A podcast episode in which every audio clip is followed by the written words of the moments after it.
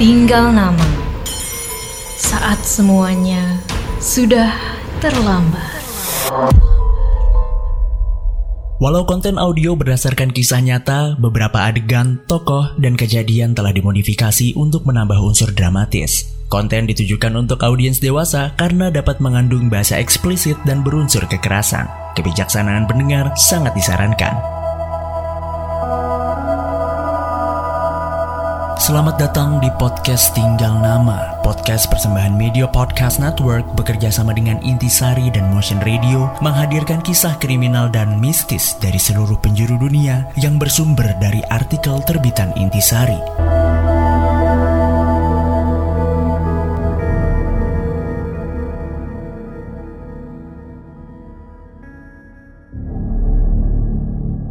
Cerita ini mengisahkan bagaimana harta bisa menjadi malapetaka bagi orang terkaya ke-38 di Perancis. Meskipun tempat tinggalnya telah dilengkapi perangkat keamanan tercanggih, namun itu semua tak dapat menahan sang pencabut nyawa untuk mendatanginya.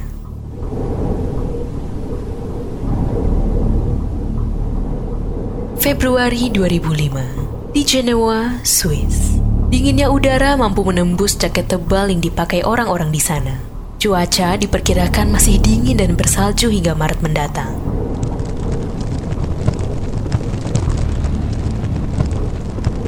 Ketika malam tiba, suasana kota menjadi senyap. Tempat yang paling menyenangkan tentu di depan perapian di dalam rumah. Suasana senyap pun terasa di apartemen Rue Adrian Lacanel number 17. Salah seorang penghuninya, sekaligus pemilik apartemen itu adalah Edward Stern. Dia tinggal di apartemen penthouse yang diisi perabotan dan benda seni bernilai sekitar 880 miliar. Malam ini sepi sekali. Ya Tuhan, setelah bercerai, sepertinya aku memerlukan orang yang bisa menemaniku melewati malam-malam seperti ini. Belum lagi jika ada pencuri atau perampok. Edward berkebangsaan Prancis dan telah bercerai. Dia merupakan warga Prancis terkaya ke-38. Pria itu adalah pendiri dan pemimpin Investment Real Return (IRR), perusahaan pendanaan yang berbasis di Genoa dengan aset bernilai jutaan dolar. Sepertinya aku harus menambah alat keamanan di sini. Takut akan keamanannya sendiri, dia memasang kamera pengintai di semua area publik bangunan apartemen. Bahkan, penthouse-nya di lantai 5 pun dipasangi perangkat anti pencurian. Dia pun dapat memanggil pasukan keamanan bersenjata kapan pun dengan hanya memencet tombol di meja samping tempat tidurnya. Tak cukup di situ, dia juga memiliki senjata pribadi. Polisi Genoa pun memiliki pos di lantai dasar gedung itu. Edward menjalankan perusahaan investasinya di Rue Villerus Number 22. Jalan ini paralel dengan Rue Adrian Lacanel. Gedung perkantoran dan gedung apartemen milik Edward saling membelakangi. Dari rumahnya, dia hanya butuh waktu beberapa menit untuk sampai ke kantor. Pada hari Selasa pukul 9 pagi, Edward dijadwalkan bertemu dengan pemilik restoran Genoa yang ingin berinvestasi. Namun, sampai waktu yang dijanjikan, Edward tak pernah datang. Dia juga tak muncul di pertemuan lain yang dijadwalkan pada pukul 11. Padahal dalam pertemuan ini, kehadirannya sangat diharapkan. Pertemuan dengan William F. Bowder Kepala Perusahaan Pembiayaan Investasi dan Pengelolaan Aset Hermitage Capital Management khusus untuk pasar orang-orang Rusia.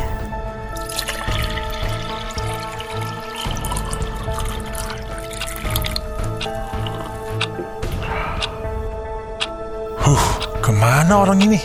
Gak biasanya dia menghilang seperti ini. Halo, Kaufman. Apakah Edward ada di kantor? Halo, selamat siang Pak Bauder. Dari tadi pagi aku belum melihat keberadaan Edward di kantor. Aduh, ke mana ya dia ya? Tumben sekali dia nggak ada kabar kayak gini. Padahal kita udah terjadwal ketemu. Betul, sejak tadi pagi pun aku belum melihatnya Pak. Tapi tadi di parkiran lantai bawah aku lihat mobilnya terparkir. Tak biasanya dia seperti ini. Sebentar, Aku akan coba mencari dulu Edward ya.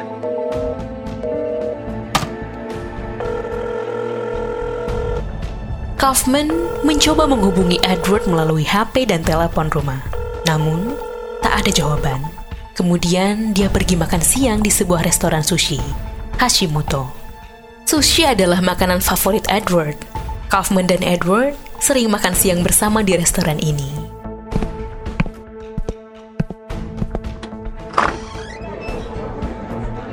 Madam, saya pesan nigiri sushi satu dan kaki gori satu.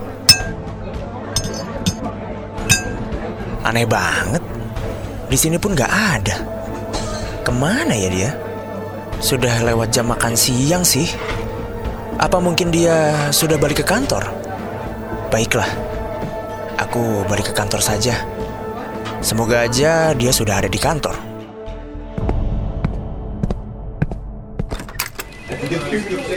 Nah, Kaufman, lihat Edward nggak?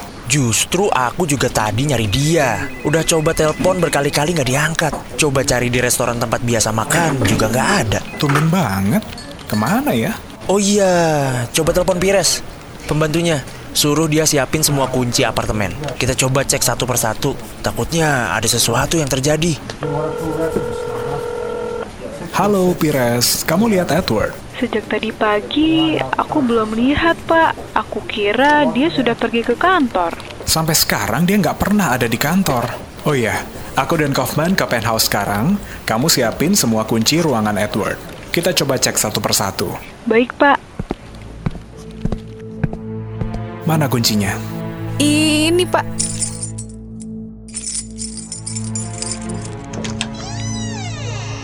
Pak Edward, apa ada di dalam? Edward?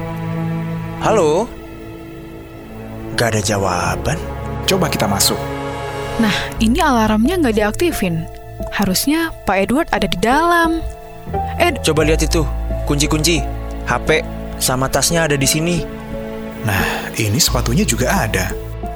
tapi kok sepatunya kotor? Padahal Pak Edward selalu memperhatikan kebersihannya. Apa mungkin dia terpleset di kamar mandi lalu pingsan? Ayo kita cek. Nihil. Coba telepon semua rumah sakit yang ada di kota ini. Mereka berusaha menelepon semua rumah sakit di Genoa. Namun, tak satu pun yang menyatakan menerima pasien bernama Edward. Akhirnya, mereka melanjutkan pencariannya dengan memeriksa kamar tidur Stern. Di sinilah Kaufman dan Andre melihat sesuatu yang ganjil.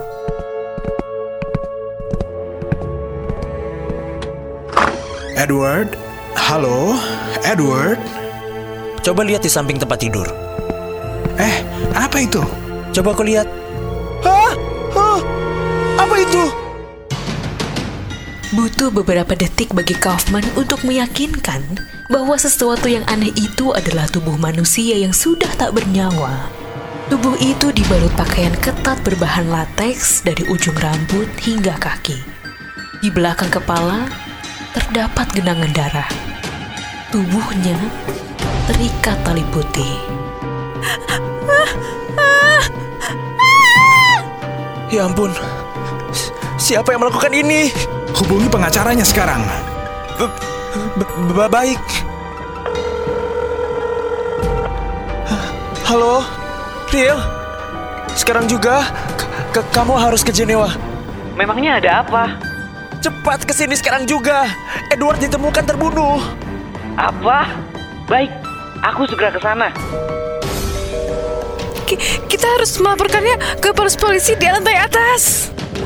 Penyelidikan pembunuhan Stern ditangani detektif Michelle. Detektif itu dengan tegas tak mau memberi keterangan kepada wartawan sebelum menemukan kebenaran yang terjadi di tempat kejadian perkara.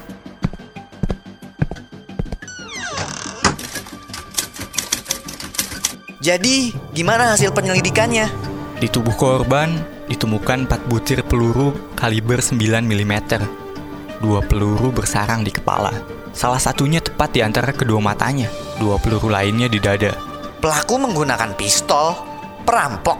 Iya, tapi hasil pengujian forensik menunjukkan peluru yang bersarang di antara kedua mata korban adalah peluru pertama yang mengenai korban. Peluru di kepala ini bisa mengindikasikan bahwa penembaknya profesional. Pembunuh bayaran?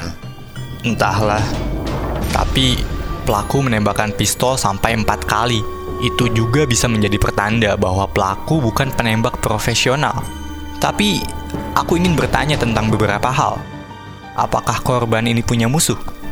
Selama 28 tahun menjadi pengacara Edward, setauku dia nggak pernah punya musuh. Uh, coba ceritakan hal yang kamu tahu tentang korban. Edward itu asli orang Paris. Ayahnya Anton Jean Eli, orang Yahudi yang merupakan pemilik bank Stern. Dari kecil, dia memang hidup serba berkecukupan. Namun, setauku, dia bukan tipe orang flamboyan yang suka berfoya-foya. Tapi, bukankah dia sangat kaya raya? Betul, tapi gaya hidupnya sangat sederhana. Jadi rasanya nggak mungkin ada orang yang iri, apalagi benci kepadanya.